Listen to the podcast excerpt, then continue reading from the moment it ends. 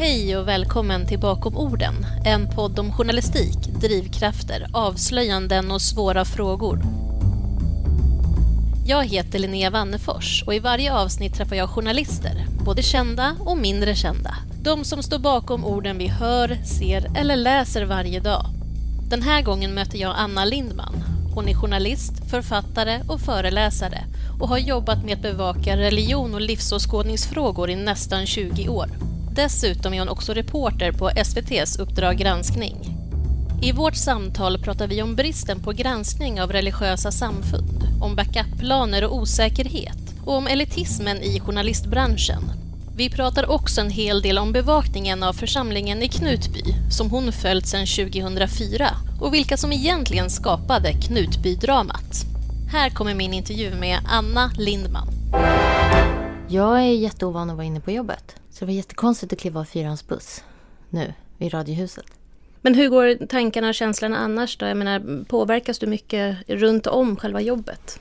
Eh, ja, men som alla andra såklart att jag inte kan träffa mina föräldrar och sakna dem och att mina barn inte kan träffa mormor och morfar. Eh, men eh, jag har liksom en extended family av vänner som ändå är ganska nära och där det nu tack och lov har kommit in antikroppar. Så vi har liksom Egentligen är livet sig ganska likt eh, förutom då detta som vi alla saknar ju såklart. Att gå på krogen och eh, kunna ha stora fester och allt det där. Men alltså i, i så otroligt lyckligt lottad ju att detta ännu inte, peppa peppa nu tar jag till det här då har drabbat oss hårdare i min familj. Mm. Den här fruktansvärda skitsjukdomen som så många människor verkligen har fått lida av. Så att lite isolering och lite tråkigt, det eh, jag vill inte säga jäkla farligt. Nu kanske vi bara värmer upp. Men om man ska säga något vettigt om corona så är det väl att vi har fått otroligt bra perspektiv på våra liv, tänker jag också. Vad som är viktigt och också att man står ut med tråkigt. Jag tänker att jag i alla fall i mitt liv var så övermatad med upplevelser och händelser och liksom excitement. Jag har, jag, liksom, jag har inte varit nervös för någonting på ett år. Min kropp är helt ovan vid att inte liksom gå på adrenalin. Eller liksom ha så här pirr i kroppen för en rolig fest eller något. Men vad har du varit liksom nervös för? Nej men med jobb och så. Att man liksom står inför stora utmaningar. Att man ska liksom moderera en konferens för 400 deltagare. Eh, att det står såna saker i kalendern framåt som får det att liksom pirra till eller stressa till i maggropen. Det är ju borta. Mm. Och det positiva med det är ju att man, man liksom, eh, såklart inte är lika stressad och att man har varit tvungen att hitta någon sorts lugn i sig själv. Men det är också en annan sak och det är man kan inte leva liksom i ljuset av framtiden. Det går liksom inte att nöja sig den här dagen med att det ju händer något kul nästa vecka eller vi ska resa bort eller vi ska göra... Utan man måste liksom acceptera att framtiden är liksom ingenting. Och eh, nuet måste vara okej ändå. Jag tror att vi alla har fått shapea upp våra nu. Har du landat i det då? Ja, alltså, nu har jag, jag har pratat mycket om det här med mina vänner och med min familj och sådär. Jag har förstått att det här sker lite när man blir äldre. Att man liksom slutar leva så mycket i ljuset av framtiden. Eh, alla människor som har drabbats av svår sjukdom eller sorg eller så vet ju det. Att när framtiden bara känns jobbig och mörk så måste man liksom ta tag i sitt liv här och nu. Eller när det inte finns någon framtid så får man ju på något vis en annan bild av det liv man har. Det förhöjs ju på något sätt. Det koncentreras ju liksom. Det har varit en stor del av mitt jobb att intervjua människor som är i den situationen att de inte har så lång tid kvar att leva eller att de har varit med om väldigt svåra saker så att livet har blivit begränsat på, på många sätt. Eh, de har ju en annan, en annan blick på livet än vad vi som bara rusar och är i mitten av livet på något sätt gör. Vi som inte fattar att det kan ta slut när som helst och så. Vi slarvar med tid och med liv och det gör man inte om man inte, om man inte har så mycket liv. Då slarvar man inte och då förstår man och uppskattar varje dag på ett annat sätt. Och jag tror att många av oss har i den här perioden kanske närmat oss det synsättet lite mer. Men är det inte lätt att liksom, tänka och komma ihåg det men sen faktiskt göra det praktiskt är svårare? Ja, det är jättesvårt. Um, för mig har det varit en sorts själv-KBT att jobba med de här frågorna. Att hela tiden möta människor som är i, i kris och i konfrontation med döden eller de stora livsfrågorna liksom, då blir jag också det. Då hamnar jag också där. Så jag har ju liksom lite använt mitt jobb till att så här bearbeta vad det är att vara människa. Det har ju varit här, samma sak för mig. Att leva och att jobba har ju varit att utforska liksom, vad det är att vara människa. Och då har jag hela tiden fått påföljning på det där kontot. Jag har hela tiden liksom eh, utsatt mig för eh, de där existentiella liksom, eh, drabbande sakerna som gör att man åker hem och bara är tacksam över att man lever, bara är tacksam över att barnen idag också är friska, bara är tacksam över att allt man får vara med om och att man har de vänner man har och så. Och sen om jag inte jobbar med det där och när jag blir lat och så, då slarvar jag också. Så för mig har det varit en tillgång att få fylla på det där hela tiden. Men det är ett ständigt arbete ju. Du är reporter på Uppdrag granskning just nu. Jobbar du med något särskilt? Och nu är jag faktiskt inte Uppdrag på... Nej. Eller, uh, inte just nu. Okej. Ska vi se. Just nu så jobbar jag med en uh, framtida serie som ska gå på SVT i höst. Uh, och den har då den etiketten livsåskådning. Just det. Det är frågor du har jobbat med tidigare under många, många år. Ja, i 20 års tid snart har jag gjort ett livsåskådningsprogram om året för SVT. Ehm, sen jobbar jag, när jag inte jobbar med livsåskådningsprogram då, där jag är programledare, så är jag reporter på Uppdrag granskning. Just det, för det var dit jag tänkte komma och fråga att saknar du inte livsåskådningen om man säger under ditt jobb som reporter på Uppdrag granskning. Men då får ju du en liten ton av det i alla fall. Det är i mitt liv hela tiden. Jag har ju också någon tendens att även på Uppdrag granskning närma mig de här frågeställningarna. Även om det där handlar mycket mer om att titta på det som är mitt andra ben i journalistiken. Jag har ju liksom två. Det ena är ju att skildra och eh, titta på våra mänsklighetens liksom behov av att svara på de stora existentiella frågorna. Eh, och där har jag tittat på väldigt mycket liksom, religiösa identiteter, eh, existentiella frågor som drabbar människor mitt i vardagen och så. Och varit i det skildrande arbetet. Men sen har jag ju hela tiden, ända sedan jag började som journalist, också jobbat granskande mot den världen.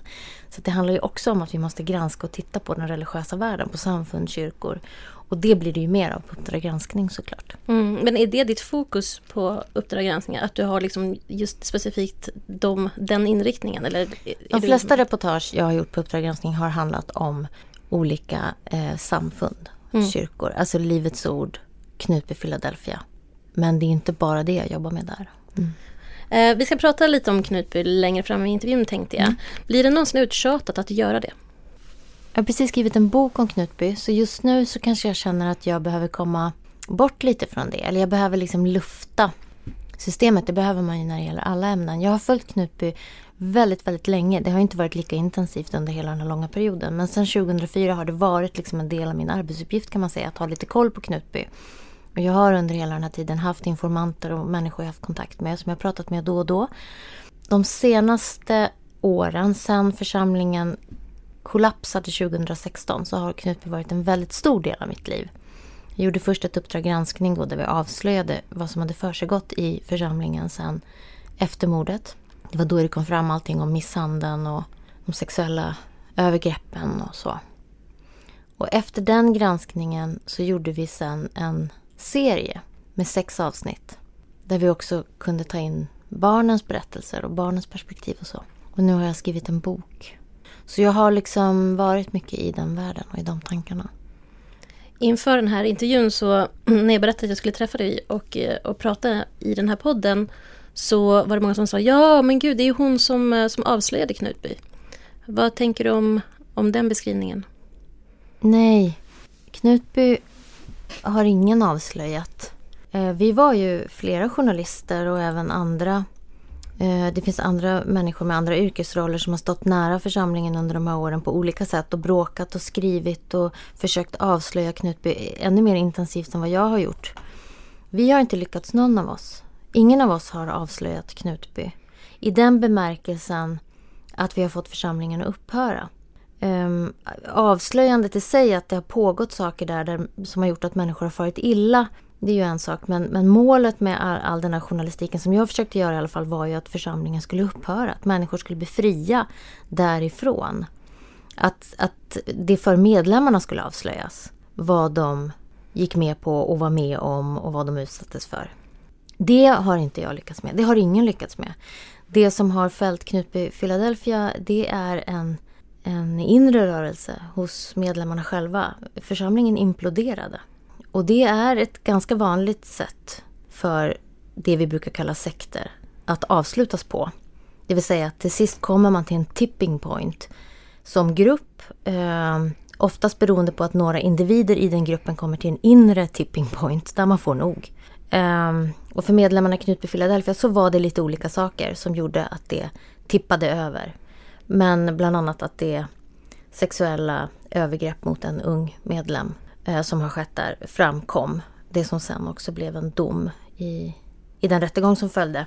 Det var en inre tipping point för, för eh, flera medlemmar som då i en kollektiv rörelse fick slut på alltihop. Så det jobbet gjorde de själva. Jag tänker att vi ska prata som sagt om Knutby lite längre in i intervjun. Vi tänkte gå tillbaka till liksom ditt, ditt ursprung som journalist. Ehm, du har pluggat på Kaggeholms journalistutbildning. Ehm, men innan det så pluggade du massor med socialantropologi och eh, idéhistoria bland annat, eller hur? Mm. Hur kommer det sig att de här frågorna blev så, alltså väckte ett intresse hos dig? Det började med att jag läste religionshistoria. Eller jag läste grundkursen på teologen i Uppsala. Det gjorde jag direkt efter studenten. Um, det var väl eh, som det är när man är ung. Eh, ett lustdrivet beslut. Alla ungdomar idag blir så sura när vi berättar hur vi valde utbildningar på min tid. Men vi läste liksom det vi tyckte var kul och spännande. Vi var rätt obrydda om framtiden.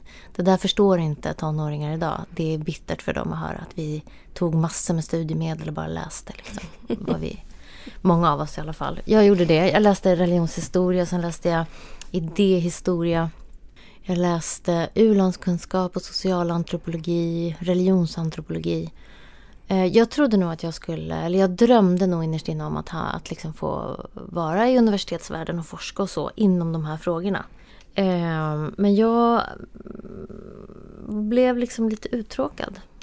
Mm -hmm. Och journalistiken var ett sätt för mig att så få ur mig allting som jag hade studerat och läst och alla möten. Den där universitetsvärlden var ju liksom lite för tråkig och trång. Men hur väcktes intresset för journalistiken då? Eh, det var den här kanske idén om att eh, min sista uppsats som jag skulle skriva som aldrig blev klar handlade om varför många muslimska kvinnor som kommer till Sverige börjar beslöja sig här fast man inte gjorde det hemma, i sitt hemland. Alltså eh, hijaben som, som en, en markör för en, en kulturell identitet. Eller en personlig identitet snarare än en religiös identitet. Eh, eller att, vilket en del av de intervjuerna jag gjorde då visade, att det, religionen i sig blev så mycket viktigare när man kom till ett nytt land. Och det var liksom ett, en tråkig process tyckte jag. Att, att ha en tes och göra intervjuer och arbeta efter det och sen veta att ingen kommer läsa det här. Det är jag och min handledare som håller på. Det, och det är otroligt tråkig prosa. Eh, det här kommer inte, nå, det kommer inte förändra någonting, det kommer inte nå någon. Så kände jag, förlåt nu alla forskare för ni gör ett fantastiskt jobb. Men jag, jag fick spunk. Jag, är till, jag tror inte heller jag är tillräckligt mycket av av pliktmänniska i det. Det blev liksom, jag måste ha lite roligare, jag vill jobba i team, jag vill att det ska hända saker, jag vill kanske ha kortare projekt. Jag hade inte den där äh, läsbegåvenheten heller, att jag kan liksom äh, läsa i min ensamhet på min kammare i hur många år i sträck som helst och känna att livet är kul fortfarande. Så att jag blev uttråkad. Så journalistiken, det var en väninna till mig som, vi satt på ett café i Göteborg och så sa hon så här vi pratade om detta, att man inte vet vad man ska bli eh, och att framtiden känns så oviss och läskig. Och då sa hon Men jag vet vad du ska bli. Du borde bli journalist. För om det skulle hända en, en olycka där ute, sa hon, så pekade hon ut genom fönstret så här. Då skulle jag skicka ut dig och kolla vad som händer. Och sen skulle du komma tillbaka och berätta för mig på väldigt kort tid exakt vad som har hänt. Och jag skulle veta att jag hade fått veta allt jag behöver veta. Eh, och då, jag hade aldrig tänkt på det själv då. Jag hade inga såna stora drömmar om journalistik innan. Så det var så här, oj. Sen hade jag nog väldigt mycket tankar om att jag inte kunde bli, att jag, att jag liksom, vem kan bli journalist? Det verkade så svårt och läskigt och vad det är för mig och sådär. Men när jag väl hade kommit in på den utbildningen och gått den, då, sen dess har det liksom bara rullat på och känts alldeles rätt hela tiden. Men hennes beskrivning, kan du, kan du förstå den idag? Jag tror att jag har en viss förmåga att komprimera vad som händer och fatta vad det är folk behöver höra om allt det som händer. ja, det, eh, det, det var, jag blev väldigt glad över att hon hade sett det hos mig. Och så jag kanske också är en självuppfyllande profetia efter det. att jag har fått se till att bli det hon såg i mig. Du, men du började sen som nyhetsreporter. Mm. Och sen så har du gått över till att bevaka mer och mer um, de här trosuppfattningarna, uh, eller vad heter det, uh, livsåskådningarna. Jag hade ju det med mig då från ja, mina universitetsstudier. Så det, det kanske, när jag hade jobbat, jag jobbade först som uh, nyhetsreporter på, på TT uh, och hamnade på TT Spektra på deras kulturavdelning. Jag gjorde praktik där också på min utbildning. Så då skrev jag, gjorde jag ju mest så här personporträtt på Dregen och, och liksom skrev om olika popband och Lasse Berghagen. Och, och liksom, ja, det var otroligt spretigt.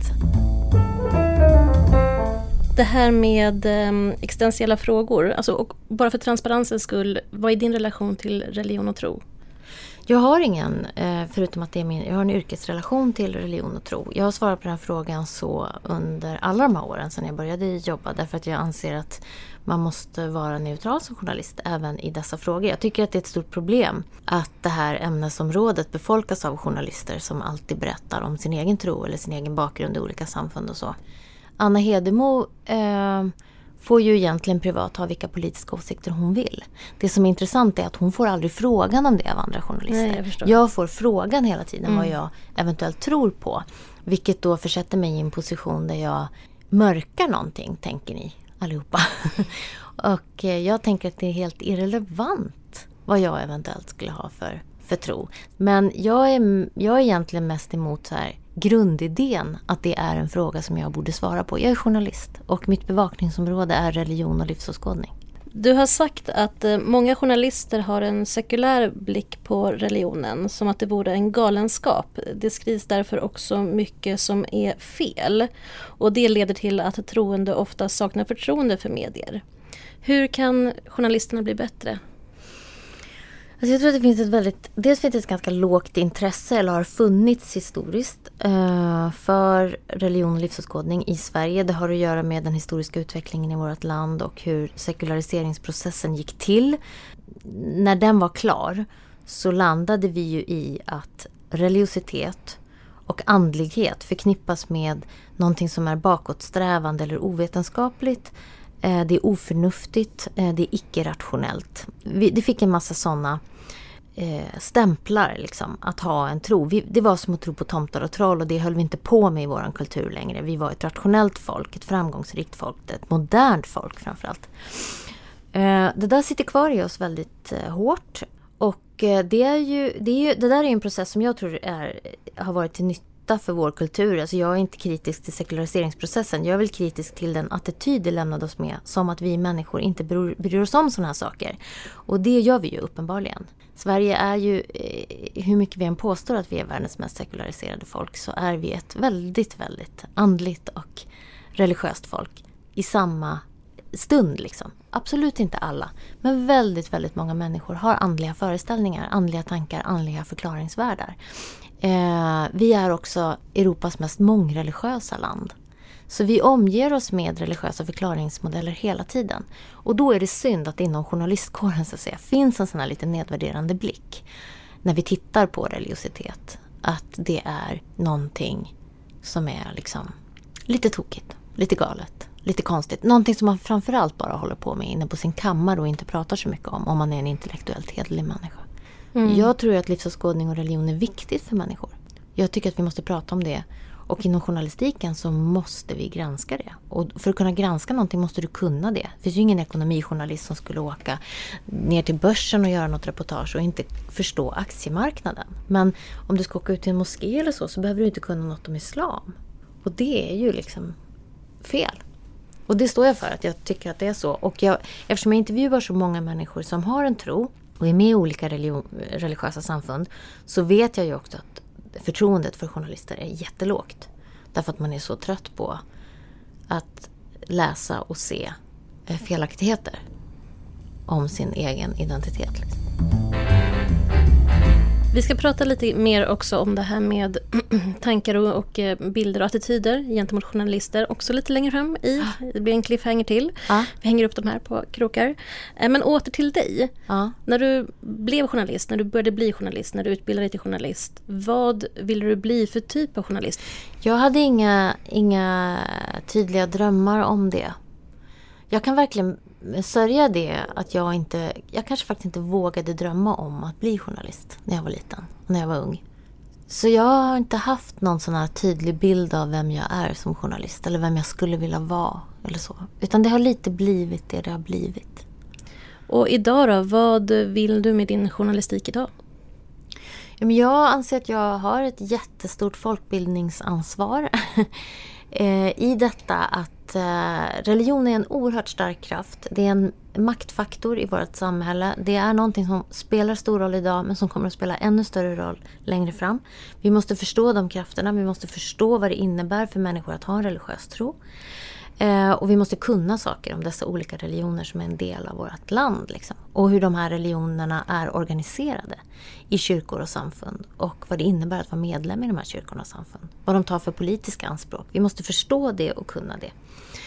Eh, så jag tycker kanske att jag har ett... ett eh, jag kan känna att jag har ett stort ansvar. Ett vik, det är viktigt liksom. Mm. Det är en viktig fråga. som jag har liksom ynnesten att få jobba med jag brinner för den frågan. Jag tycker att det är jätteviktigt. Men sen är det ju så här att en, den, det andra benet då som vi pratade om förut, att, att skildra och vara i vad det är att vara människa. Det är ju liksom det viktigaste jag vet.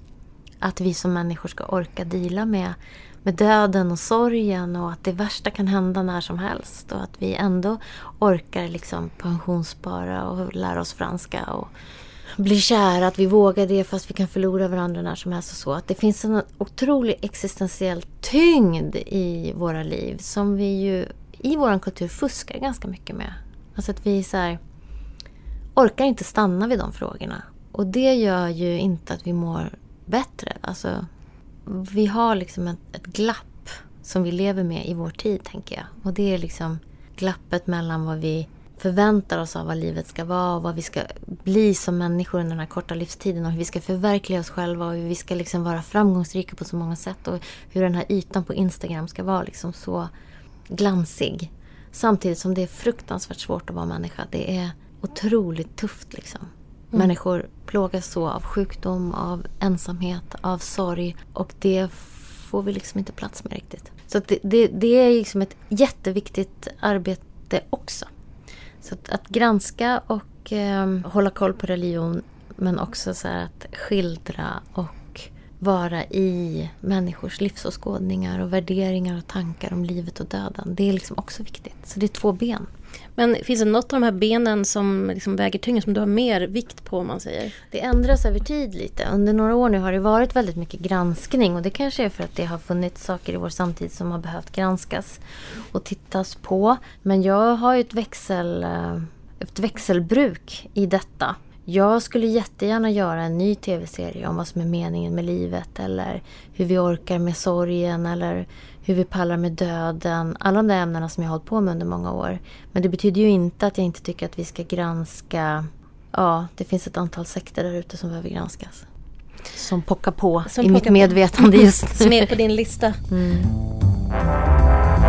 Inför en intervju eller ett program eller ett möte hur förbereder du dig? Skriver du ner ett frågeställ eller läser du på och bara har liksom din spontana nyfikenhet med dig? Eller hur, liksom, hur förbereder du dig? Jag eh, skriver ner uh, frågor. Sen behöver jag inte ha med mig det pappret. Men ja, det finns ett papper. Det finns ett frågeformulär uh, som jag har skrivit själv och tittat mycket på och grubblat över. Jag jobbar alltid lite olika typer av uh, redaktionskonstellationer. Ibland har jag en, en redaktör eller en producent eller så som jag kan prata om de där frågorna med. Ibland är jag själv. Men det finns ett frågeformulär. Sen tycker jag om att lägga bort det när jag väl sitter i intervjusituationen. Eh, och för att verkligen våga lägga bort det så kan det vara bra att inte ens ha det med sig. För då är jag eh, friare och mer närvarande lyssnare. precis, inte lika bunden till nej, vad du ska nej. med.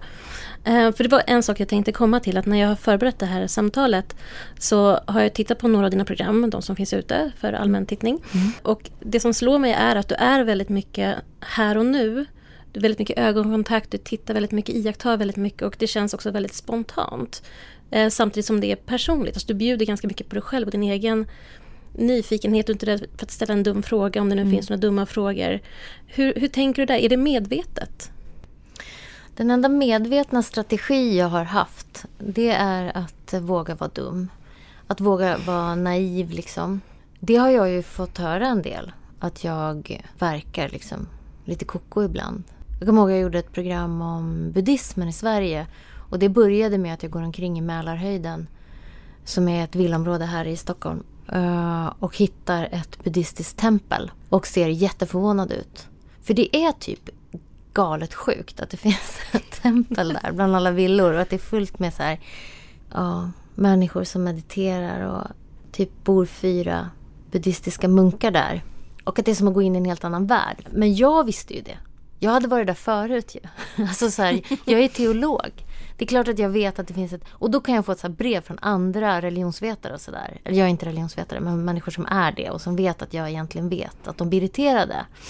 Men jag har varit jättenoga med att jag gör inte program för dem. Jag gör program för dem som faktiskt tycker att det är helt galet att det finns ett buddhistiskt tempel mitt i Mälarhöjden. Eller att det finns 150 hinduer som firar eh, högtid i en lägenhet i Jönköping. Eller att det finns liksom i den där källaren mitt vid Sankt Eriksplan så, så ligger det en, en moské där män och, män och kvinnor får be ihop.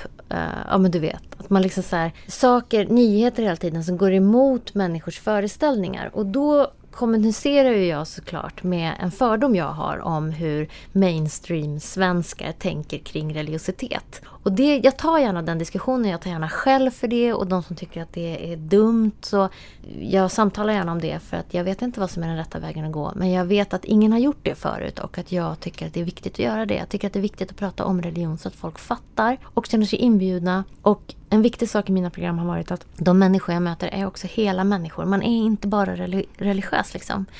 Och jag vet att många muslimer framförallt känner det. Att i media skildras man liksom bara som... Man ser egentligen bara rumporna på folk som ber när man ska skildra något om muslimer. Men jag menar alla muslimer jag har intervjuat under åren, alla buddister, hinduer, allt det här. De är också så här, mammor eller syskon eller hundägare eller spelar minigolf eller älskar att plocka svamp. De gör saker som vi alla kan identifiera oss med. Det kan vara viktigare hemma hos en familj då som har en tydlig religiös identitet att fira, att vara med på en vanlig morgon när de får barnen till skolan. Och samtidigt prata om religionen om det är det som är syftet med programmet.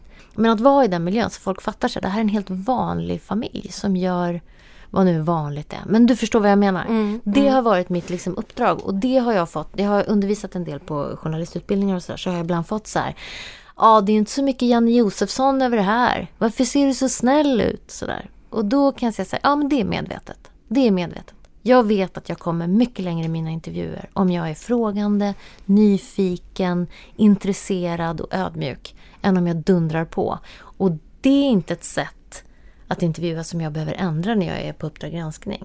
Det funkar jättebra på Uppdrag granskning också. Därför att människor berättar, människor märker att de blir lyssnade på, Människor söker sina bästa svar. Det, jag tycker att det är bättre. Jag, tycker inte, jag är inte så förtjust i den där showen. Att en journalist läxar upp någon som har gjort fel. Nej, inte skjutjärns på det sättet. Det är inte min grej. Nej. Det finns ett uttryck som heter du får mer honung om du är snäll mot bina. Mm. Det känns lite som en sån strategi. Det är den enda strategi som jag har haft. Jag började ju uppe i Umeå då som, som livsåskådningsjournalist mina första år och då jobbade jag ju liksom på samma våningsplan som Sverker Olofsson med Plus. Och jag, det har jag vetat. Jag vill inte vara en sån som står och skäller ut folk i studion. Han var ju skitbra på det. Alltså, Heja Sverker, han gjorde ju sin grej. Men det har aldrig jag. Jag tycker inte det är bra journalistik. Jag tycker inte den kommer någon vart. Men det kan vara en bra show. Det kan vara jättebra TV. Men, men eh, det, är inte, det är inte därför jag jobbar, för att få skälla ut folk. Nej, men jag tänker också att det, ditt sätt lika mycket som hans sätt kräver ju också ett visst mått av mod. Att våga stå hemma hos någon i någons vardagsrum där de har ett altare och fråga men de här dockorna, varför ska ni ha dem för? Alltså att våga ställa de frågorna så rakt ändå. Ja, fast de som har det där altaret med de där dockorna som de häller honung på, liksom, de fattar ju att jag kan tycka att det är konstigt eller märkligt. Eller, det är ju bara ärligt liksom, på något sätt. Det var som jag frågade en judisk rabbin, en ortodox rabbin en gång om men varför bryr sig Gud om förhuden? Hur kan det vara viktigt? Och det var ju väldigt många som tyckte det var otroligt ohöviskt. Men i det samtalet så var jag ju inte ute efter att sätta dit honom. Utan det var ju min enkla raka fråga. Och, och, vi hade ett vänskapligt samtal. Men frågan är ju vass. Frågan är ju fortfarande ganska hård liksom. Men det beror ju på hur man ställer den. Och det viktigaste var att jag ställde den på ett sätt som gjorde att han ville svara. Att han gjorde sitt bästa för att verkligen få mig att förstå varför förhuden kunde ha en betydelse. Ja, för att vara sådär, att våga blotta sig kanske, eller att våga vara dum eller ställa dumma frågor är ju också väldigt avbeväpnande på något sätt. Alltså de känner ju inte att du kommer dit med någon slags fördom eller föreställning, utan du vill ju bara veta, du är nyfiken. Mm. Men jag kan, ibland kan det kännas pinsamt. Det kan jag också tycka. Jag ser ju inte mina egna program någonsin. Men om jag någon gång liksom typ så här, ska föreläsa och spela upp ett klipp och måste se mig själv då. Då tycker jag det är otroligt genant liksom, att jag kan vara så där naiv och vänlig.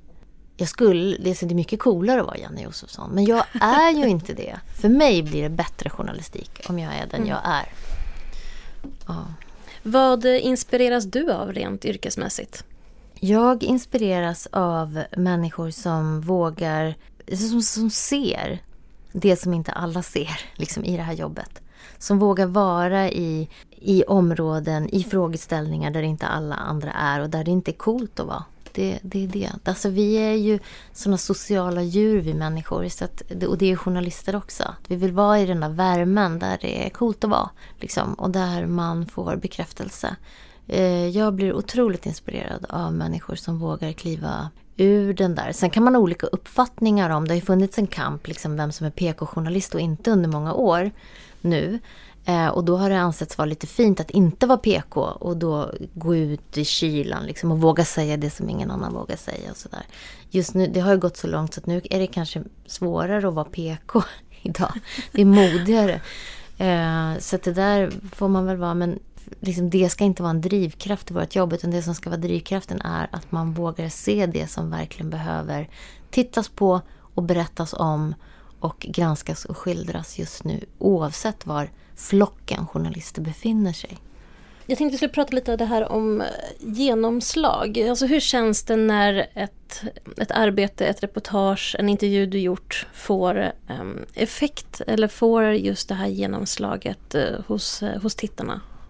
Och jag är så van att inte får så mycket genomslag. Alltså så här, om man pratar genomslag journalistiskt så jag väljer ju hela tiden att hålla mig i ett ganska smalt ämnesområde.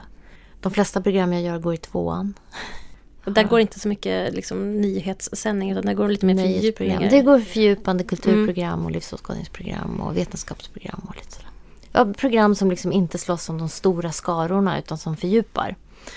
Eh, så att jag... Eh, för mig är inte det där liksom riktigt en, en så här överhängande fråga. Utan jag tänker så här, när jag eh, går igång på att göra någonting, just nu jobbar jag med en serie, eh, då är jag så otroligt fokuserad på att det jag berättar inte är berättat förut och att det här måste vi titta på. Och då kan det vara djupt liksom, filosofiska eller existentiella frågor men det finns en brist. Liksom. Vi saknar det här perspektivet. Nu måste vi prata om det här. Och då tänker jag bara att vi måste prata om det på det sättet som gagnar frågan bäst. Vi måste prata på det, om det på det bästa sättet. Så att folk förstår och så att folk vill titta på det.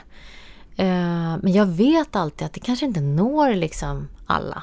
Eh, om det går mot Bonde söker fru så är jag chanslös. Det vet ju jag.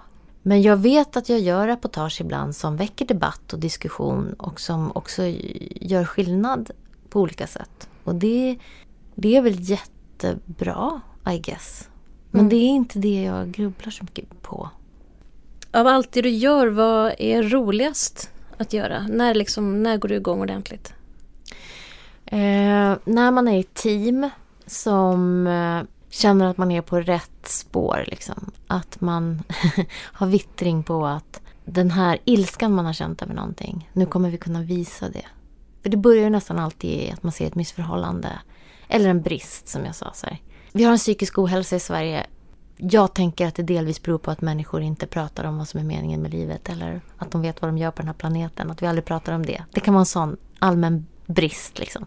När man då hittar ett sätt att kommunicera det. Eller man hittar en, en väg liksom, att få belysa den frågan.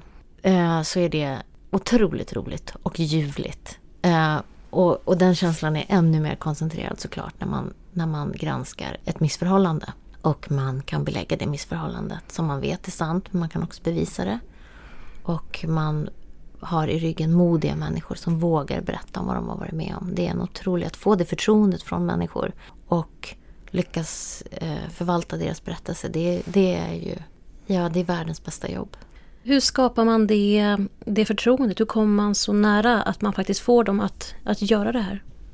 Det finns det ingen mall för. Det får jag jätteofta frågan om. Och eh, det vet inte jag riktigt. Jag vet bara att det tar tid. Att jag lägger mycket tid på att prata med människor. Innan själva intervjun? Att du liksom ja, att jag... skapar en relation på något sätt? Ja, Uh, där finns det också lite olika program som man gör. Uh, jag gjorde en serie under flera år som hette Från Sverige till himlen där jag bodde ihop med människor som hade en väldigt stark religiös identitet. De intervjuade jag inte innan utan det gjorde en researcher på min redaktion. Därför att det kan vara svårt för människor att berätta om samma sak igen. Så då var det, det var nya möten. Jag flyttade hem till dem. Uh, så hade vi inte pratat sönder varandra innan utan det var ett nytt möte liksom. Men när jag om man tänker Knutby Philadelphia, medlemmarna där. Det, ju, det, är ju enormt många timmar av samtal. Enormt många timmar. Också med människor som, som absolut inte har varit med i granskningen. Som inte har varit med och blivit intervjuade. Utan det handlar bara om att få så många berättelser som möjligt från så många olika håll. Så att jag vet att de jag sen tar med har stöd och är sanna. Vilka situationer är jobbigast? Det är klart att det är när människor när människor har liksom förhoppningar kanske på den granskning man gör, att den ska leda till någonting och så gör den inte det. Eller att vi inte kan föra i bevis det människor hade hoppats att vi skulle kunna bevisa. Det är jobbigt. Men eh, det är också en del av jobbet liksom. Oj vad svår, flummigt det här blev. Jobbigast. Vad är jobbigast? Jag gör ju så många olika saker i mitt jobb som journalist. Alltså det, är så, alltså det kan vara så jobbigt på olika sätt. Nu när jag precis skrivit den här boken, det är ju svinjobbigt. Men på ett annat sätt. Men det är på ett helt annat sätt. Mm. Men det är ju otroligt jobbigt. Och vad är det som är jobbigt där då? ja men dels är det jobbigt att, att så våga skriva. Det, det tycker jag är jobbigt. Skrivprocess är liksom, det, det är otroligt intressant faktiskt. Hur man plötsligt i fyra dagar kan skriva nästan från klockan åtta till tolv på, på natten utan att och bara tiden bara går. Och sen så kan man inte få ur sig ett ord på två veckor och man bara är frustrerad och känner sig helt värdelös. Vad är det? Det är en jättekonstig arbetsprocess att skriva, tycker jag.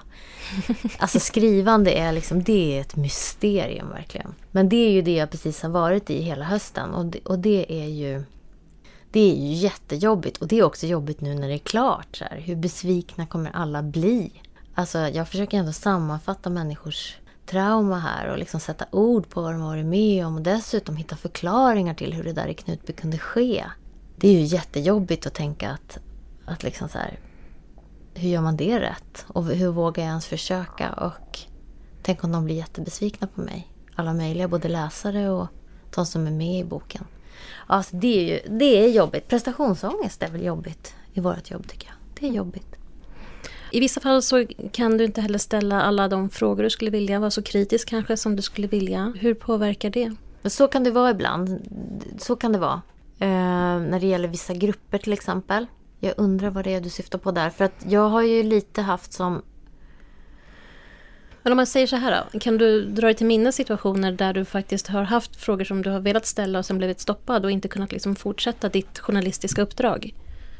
Ja, fast då har jag alltid kunnat gjort det på något annat sätt. Liksom. Då har jag alltid kunnat... Det är det som är lite... Uh, vad ska man säga?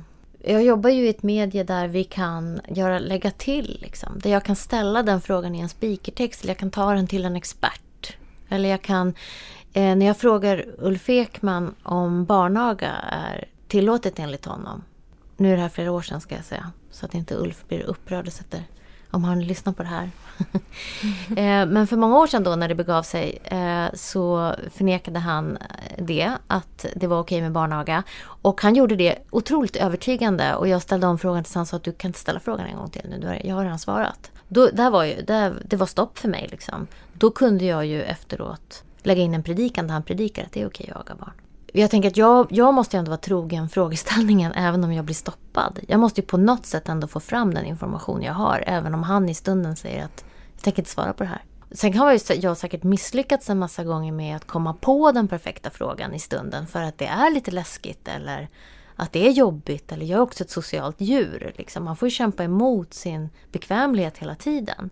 Du och jag har ju en viss stämning här nu. Om du helt plötsligt skulle byta och börja prata om andra saker så att jag känner mig väldigt obehagligt till mods, då skulle det vara jobbigt också för dig. Därför att vi är empatiska människor som känner med varandra. Så att det, där, det där måste vi journalister jobba med hela tiden. Att stå ut med obehagligheterna, stå ut med att den, den vi möter kanske faktiskt blir arg. Det är jätteläskigt ju. Ja, verkligen. Men, ja, men med Jehovas vittnen till exempel så har ju de haft en massa villkor kring vad man får fråga och inte fråga. Sanningen är att jag har ju ställt de reportagen då. Så jag har inte gjort något riktigt reportage om Jehovas vittnen. Eh, av den anledningen. Att jag inte kan. Jag har gjort massa om Jehovas vittnen och jag har intervjuat avhoppare och så. Men jag har aldrig intervjuat ledare inom Jehovas vittnen eftersom jag har fått bestämt innan vilka frågor jag får ställa. Och då har jag tackat nej till intervjun. Mm. Finns det kvar eller har du liksom någonstans gett upp för att du har försökt så många gånger? Det finns kvar. Det kommer. Mm. Av alla de människor du mött, vilket möte har varit mest intressant? Eller går det ens att säga? Nej, det är också en sån här fråga som man får ofta. Det går ju inte. Det är så som, vad lärde du dig mest av det här? Okej, då stryker vi den också. Den. Nej, det behöver vi inte göra. Eh, jag har, jag kan säga generellt, ska jag säga, om att intervjua religiösa människor. Så finns det en föreställning om att de är just lite korkade eller hjärntvättade eller kan inte tänka själv eller vill ha en stark ledare i sina liv. Det som har varit mest eh, fascinerande för mig med att få vara i den här världen under de här åren, det är ju att den absoluta majoriteten av de religiösa människor jag möter är ju otroligt eftertänksamma människor som har jobbat med de existentiella frågorna i sitt liv, som har ett, ett liksom en stor ödmjukhet inför livet och som liksom söker hela tiden i sitt vara vad som är meningen med varför vi är här. De vill veta det. Vad, vad, vad gör jag mest för nytta och så. Eh, de är inte hjärntvättade och eh, liksom icke-rationella varelser bara för att de har en tro. Så det är väl det som har varit liksom påverkat mig mycket. Att, att liksom få föra fram det också. Att även om man har varit medlem i Knutby Philadelphia så betyder inte det att man är ointelligent eller galen eller tokig eller foliehatt. Eh, man kan ha varit det under en period därför att man har blivit påverkad av en massa saker. Men det betyder inte att de här människorna är särskilt olika oss. Jag gör ju den här podden, eh, nu ska jag sluta prassla också. Jag gör ju den här podden för att på något sätt skapa en närhet till journalistiken. Det finns ju många tankar och attityder om journalister. Vad tycker du om läget idag? Jag tycker att, eh, att läget är rätt eh, svår, svårgreppat just nu. Därför att det är både liksom otroligt bra och ganska dåligt samtidigt. Eh, journalistiken i Sverige just nu. Hur då? Ja, men det, det, är både så här, det görs otroligt mycket bra grävande, avslöjande journalistik. Det finns otroligt mycket duktiga människor som verkligen brinner för att göra bra journalistik och liksom klara det i den samtid vi lever. Där vi också mer och mer blir bättre och bättre på att klara alla de här parametrarna med vilka pratar vi med, vilka pratar vi för? Eh, vem är avsändare här? Och, och så. Eh, där vi har varit enögda historiskt i vår yrkeskår och där vi har pratat med varandra. Eh, där vi har varit en väldigt homogen skara journalister som har sett likadana ut och bott i samma bostadsområde. Det är fortfarande ett jättestort problem men det håller i alla fall på att förändras. Just nu händer liksom det bästa i våran kår som någonsin har hänt. Att vi börjar vrida och vända på alla de här stenarna. Eh, samtidigt så lever vi i en sån otroligt liksom, rädd, hågsen eh, och polariserad tid. Så att vi slösar så otroligt mycket energi också på att positionera oss. Och det kan skrämma mig. Att det är liksom den här eh, elitismen som kan finnas i yrkeskåren är liksom lite läskig. Och farlig tror jag för vårt hur, hur tar den sig uttryck? Ja, men det är den som sätter agendan, liksom. vad man får prata om, vad man inte får prata om, eh, vem som får prata om vad, hur vi pratar om saker och liksom vilka vi släpper in i det samtal som vi initierar. Mm. För under uppbyggnaden av den här podden så gjorde jag en undersökning på sociala medier där jag ställde just sådana här frågor. Mm. Och det var också ett av de svaren som kom fram, att man tycker att det är väldigt agendavinklat. Det är också väldigt um, snedvridet som du säger, vilka som får komma till tals och mm. inte. Men hur kan vi få bukt med det här? Alltså det sker redan. Det, vi får bukt med det här. Det här sker på något sätt redan. Eh, det är en utveckling som inte kommer gå att stoppa, tror jag. Men eh, vi, må, vi, vi måste liksom så här, kanske lokalisera vilka bromsklossar som finns. Våga fråga sig i vilken utsträckning är jag en del av det som bromsar? I vilken utsträckning sitter jag på makt här som jag borde släppa ifrån mig till andra? Att vi måste väl alla ställa oss den frågan, vi som har, har fått eh, en mikrofon och ett utrymme att tala. Att så här, vem borde jag passa den här micken till? Eh, alla måste ju liksom rannsaka sig själva i det. Och hur går eh, diskussionerna på de redaktioner du jobbar på angående det här? Ja, och det kan oroa mig då att vi har ofta väldigt kort om tid och väldigt små redaktioner. Så att det finns liksom inte riktigt så här, vi som är i produktion hela tiden. Jag hoppas ju och litar till del på att detta är strukturer som andra inom det företag jag jobbar på, alltså SVT, tar ansvar för och funderar kring och jag hoppas att de lyssnar när de får kritik. Liksom, eh, och förändrar sitt utbudsarbete och sitt rekryteringsarbete. Jag, när jag går in i ett projekt, eh, vi jobbar rumpan av oss i tre månader och hoppas hinna sända i tid. Och det tror jag är mångas verklighet. Eh, det jag kan ta ansvar för, det är att jag försöker skildra i de intervjuer jag gör en mångfald och att jag inte är biased. Eller försöker att inte vara biased när jag väljer vilka jag ska prata med. Jag är trogen mitt uppdrag och, och liksom det som jag har fått förtroende att, att göra. Men jag borde ju passa micken till någon annan som gör mitt jobb så småningom. Så är det ju. Det känns som att uh, du får ganska mycket frihet till att uh, titta närmare på och utforska det som du tycker verkar intressant, att gå i en viss riktning. Stämmer det? Ja, jag upplever att jag får jättestort förtroende från min arbetsgivare. Absolut. Och hur kommer man dit då? det är också en sån här sak som jag aldrig har funderat på. Jag har inte haft något så tydligt mål med det. Utan jag tror att man ska så här, vem är jag? vad gör jag bra? Vad vill jag göra bra? Och vad är viktigt? Så här, varför vill jag prata om den här? Att hålla sig fast vid, vid den fråga som man verkligen brinner för och det man kan faktiskt. Jag menar, jag har varit väldigt trogen mitt ämnesområde under alla de här åren. Det hade ju inte gått om jag hade varit uttråkad av det. Eller om jag hade behövt nya utmaningar. Eh, och då hade jag ju lämnat, så att säga. Nu har jag ju aldrig känt det. Utan jag känner ju att jag är på rätt plats, liksom. Tills någon säger åt mig att nu är du inte rätt längre på den här platsen. Nu vill vi ha någon annan. Och det känner jag hänger över mig hela tiden. Det kan vara imorgon. Jag har ingen aning om om jag gör livsåskådningsprogram nästa år. Eller om de på Uppdrag granskning vill att jag ska göra någonting mer där. ingen aning. Men tror du att det här kommer komma? Att det kommer komma till den punkten att de säger det? Att nu... Gud ja! Jag är ju gammal nu. Jag har ju hållit på jätte, jättelänge. Jag är tacksam för varje program jag får göra. Men det, det, går, det har jag aldrig tagit för givet. Jag har alltid tänkt att det här var nog sista säsongen. Men varför det? Varför ska man inte tänka så? Det kan ju vara sista säsongen. Jo, sant. Absolut. Och mitt liv kan ju inte hänga på att det inte får hända. Utan jag måste ju, jag måste ju verkligen känna att jag vill eh, och kan det här. Att jag gör det här bra. Annars kan det ju vara. Liksom. Men har du alltid då en backup-plan? Ja, oh, gud ja. Mm. okay. Ja, jag har backup-planer. Hela tiden håller jag på med backup-planer. Men nu, nu är ju mina backup-planer väldigt lika de som jag håller på att jobba med idag. Eh, alltså jag eh, modererar samtal, jag skriver böcker, jag gör reportage för SVT. Eh, så det är liksom, jag är ju i samma sfär hela tiden. Det är mitt hemma. Det är där jag vill vara. Eh, hade jag velat jobba med, något, med Bingolotto hade jag ju förhoppningsvis fått göra det. Men då är, återigen till frågan om drivkraft. Vad, är det för driv snarare kanske som har fört dig dit? För du har ju skapat den här vardagen om man säger, mm. runt dig. Men det finns ju ingenting som jag tycker är mer intressant än att sitta och prata med människor om vad som är meningen med livet, vad som gör människor arga eller ledsna eller rädda. Jag blir ju fortfarande bergtagen när människor berättar om sin tro. Att möta människor som säger att de vet att Gud finns, det går jag ju igång på. Eh, precis som jag går igång på att möta en människa som är helt salig över att vara säker på att Gud inte finns.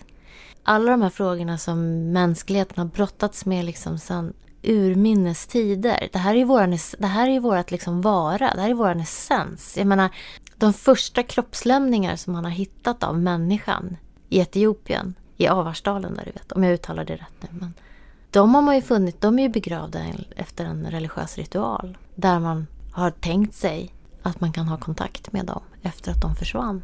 Alltså våra nära och kära försvinner. Och vi ska själva försvinna en dag. Det är vårt stora trauma. Att få vara i de frågorna kring hur människor hanterar det och hur man orkar leva liksom. Det, det, det kommer jag ju hålla på med tills jag själv dör.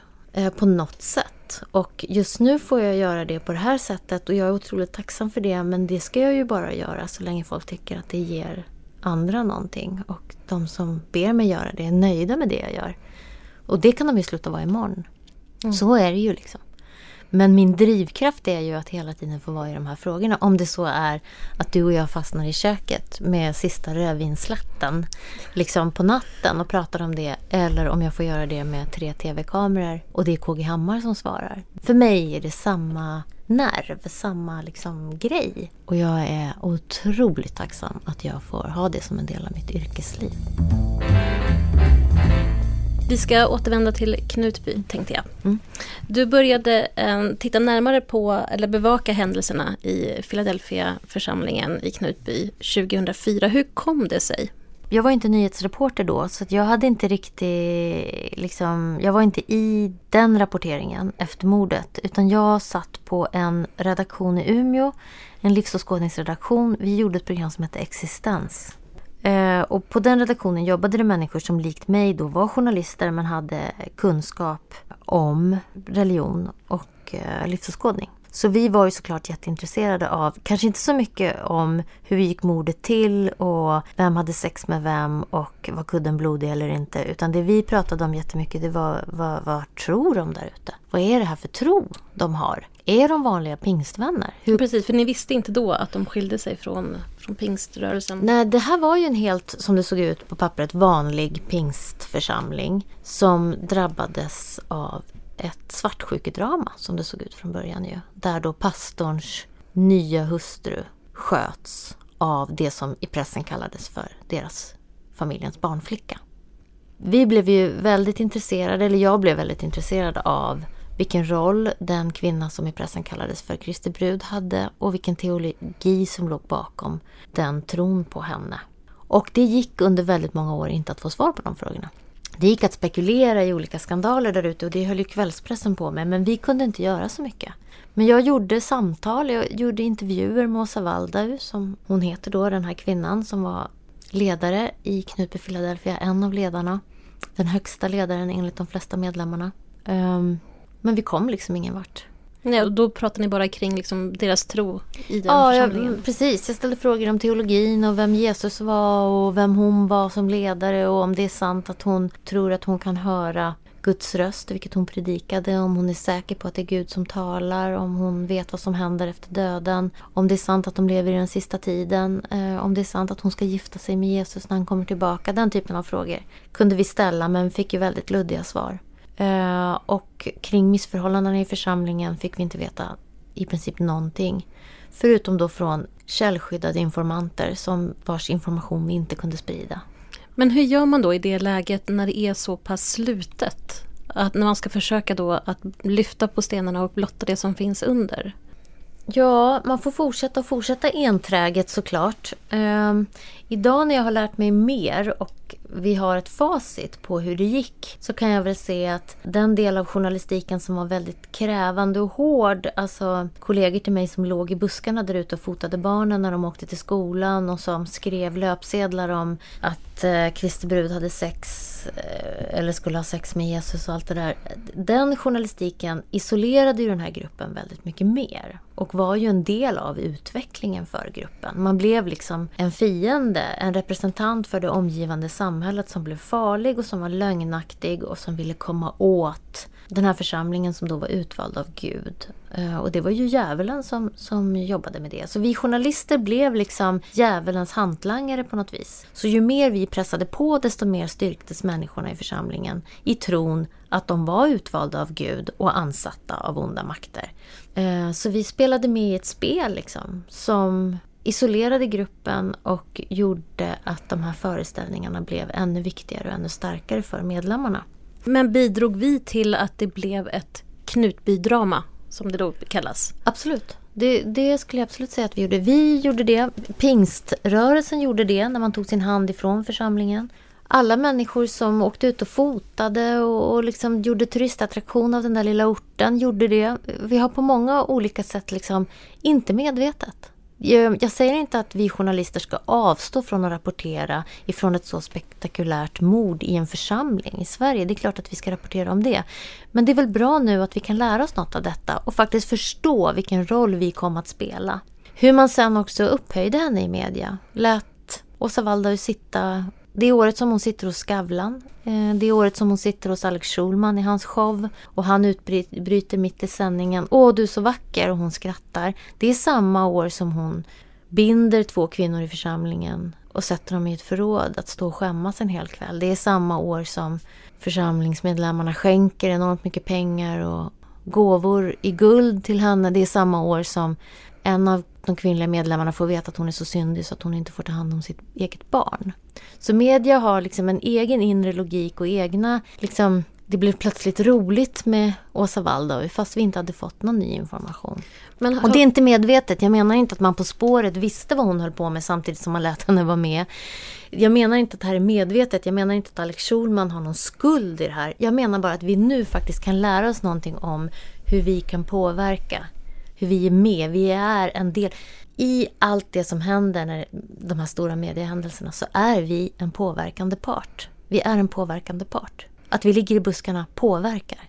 Ni på redaktionen började titta på det här igen sen 2015, 11 år senare. Mm. Hur kommer det sig att ni började titta på det igen?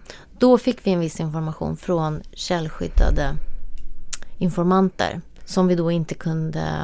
Vi kunde inte använda deras uppgifter Eh, i media. Men vi började förstå att Eh, människor far riktigt illa här. Och då blev vi också väldigt, väldigt oroliga faktiskt. Därför att det finns två sätt som den här typen av rörelser kan, eller tre sätt som den här typen av rörelser slutar på. Om man tittar historiskt.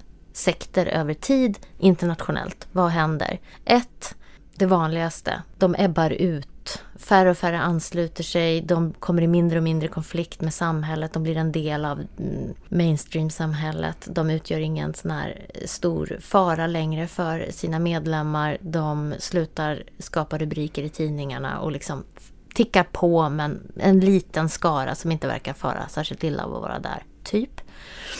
Det andra som kan hända är att man spårar ur fullständigt för att det ska hända så krävs det ofta att det finns en väldigt stark ledare som får förföljelsemani eller får, jag tänker på Jonestown eller andra sådana kända sekter. David Koresh som slutar med att FBI slår till och alla belägrar sig på en gård i Waco. Eh, slutar med att 78 medlemmar dör. Det är massjälvmord. Det, det finns otroligt tragiska följder. Som exempel nummer två och exempel nummer tre är att man imploderar. Att medlemmar sätter ner foten och säger stopp det räcker nu och så upplöses den här rörelsen. Eh, ett sådant exempel är Nexvium Museum som är en känd dokumentär som går på HBO just nu som handlar om eh, en rörelse eh, där medlemmarna får nog, kliver ur, avslöjar sin ledare och splittras och ledaren får ett straff. Eller The Buddha Field som en annan känd dokumentär om en yogagrupp där medlemmarna avslöjar att de har blivit utnyttjade sexuellt och eh, får nog, lämnar honom och ringer polisen. Men hur ofta sker det här då? Vad? Att medlemmar avslöjar att medlemmar sätter ner foten? Ja, men det, det, sker. det sker. Jag har ingen statistik på hur ofta det sker. Men det är de här tre olika slutscenarierna som finns för den här typen av mer extrema grupper som vi kallar sekter. Mm. Alltså att de Eh, som Livets Ord till exempel. Eh, man har en, en, en upptaktsfas, en, en fas där man eh, är väldigt aktiv, där väldigt många medlemmar strömmar till, där det sker en massa skandaler. Det är en upphettad fas där man är i tidnings, det är stora tidningsrubriker, det är stor samhällelig oro över den här gruppen. Och sen så liksom avtar upphettningen. Eh, medlemmarna eh, blir färre. Gruppen liksom sticker inte ut på samma sätt. Man blir lite mer mainstream. Man tickar på. Man kan vara lite annorlunda från andra samfund men det tycks inte pågå några stora övergrepp eller någonting längre. Det kan såklart avslöjas om det kommer upp nya uppgifter men jag menar det liksom finns en sån där tendens att man lever i någon sorts samklang med det omgivande samhället. Eller så sker det som i Knutby att medlemmarna helt enkelt får nog och lägger ner sig själva. Mm. Det skulle dröja ett par år till innan det skedde. Men ja. du skrev i en krönika i SVT förra året att för den med koll på vad som kan hända i slutna sekter var det som att se tåg rusa mot avgrunden. Ja. Kunde du se vad det här var på väg? Jag förstod att det kommer gå dåligt eh, på något sätt. Nu gjorde det ju inte det egentligen. Eh, det gick ju då, det gick sämre och sämre så att säga till att det gick bra tack vare några individers eh, förmåga att få fatt på någon sorts inre moral och trycka på en stoppknapp, ringa polisen och säga nu, nu räcker det, det här har hänt här. Och sen våga prata med, med journalister som, som mig när jag ringde sen. Tack vare dem så blev det inte en värre katastrof än det som blev fram tills dess. Men det var ju illa. Det som pågick där var ju riktigt illa. Det var ju ett skenande tåg. Men om, om du jämför eh, församlingsledningen i Knutby Philadelphia med andra rörelser så kunde man ju bli rädd vid det tillfället. Därför att hur slutar vi det här? De har levt i den sista tiden nu i 16 år. De har väntat på att Jesus ska komma och gifta sig med Åsa Waldau sedan 2000. Och hon åldras. Hur ska det här sluta på ett vettigt sätt? Liksom? Det är klart att det är skrämmande.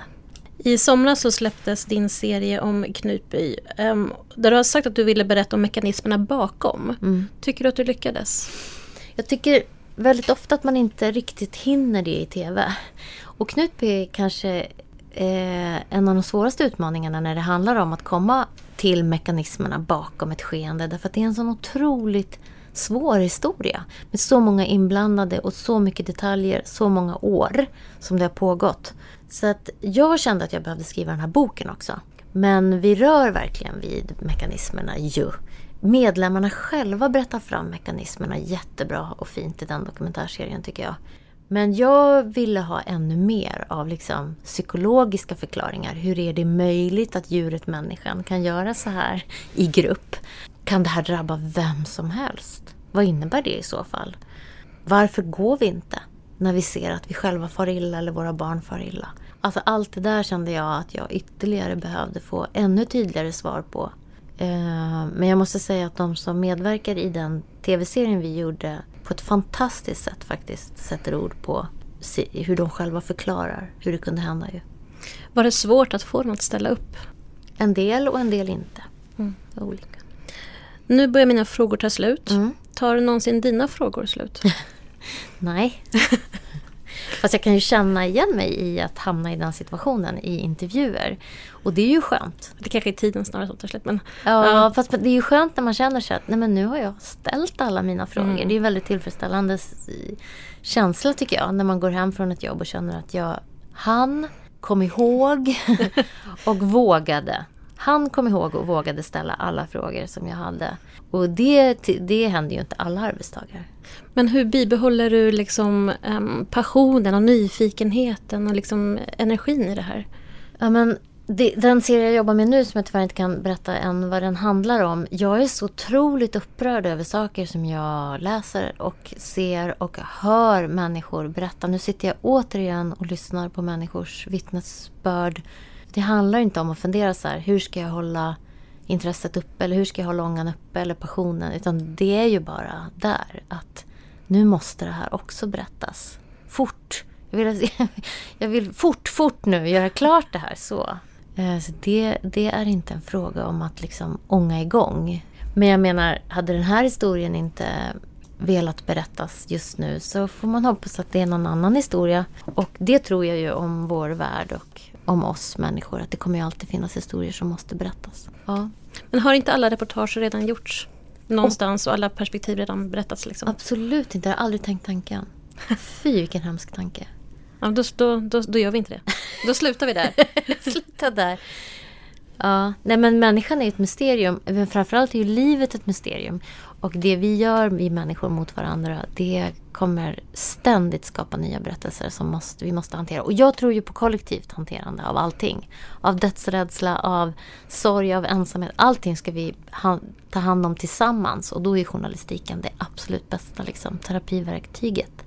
För att tillsammans liksom förstå vad som händer i världen och vad som händer med oss. Eh, vi måste hjälpas åt med alla de här tunga sakerna. Vi, kan inte, vi är inga isolerade öar. Och där är journalistiken liksom. Det kommer alltid finnas saker som vi tillsammans måste prata om. Du har precis hört ett avsnitt av podden Bakom orden. Både mig och podden hittar du på sociala medier, bland annat under hashtaggen bakom orden. Lämna gärna en kommentar eller ett önskemål om en framtida gäst. Vi hörs!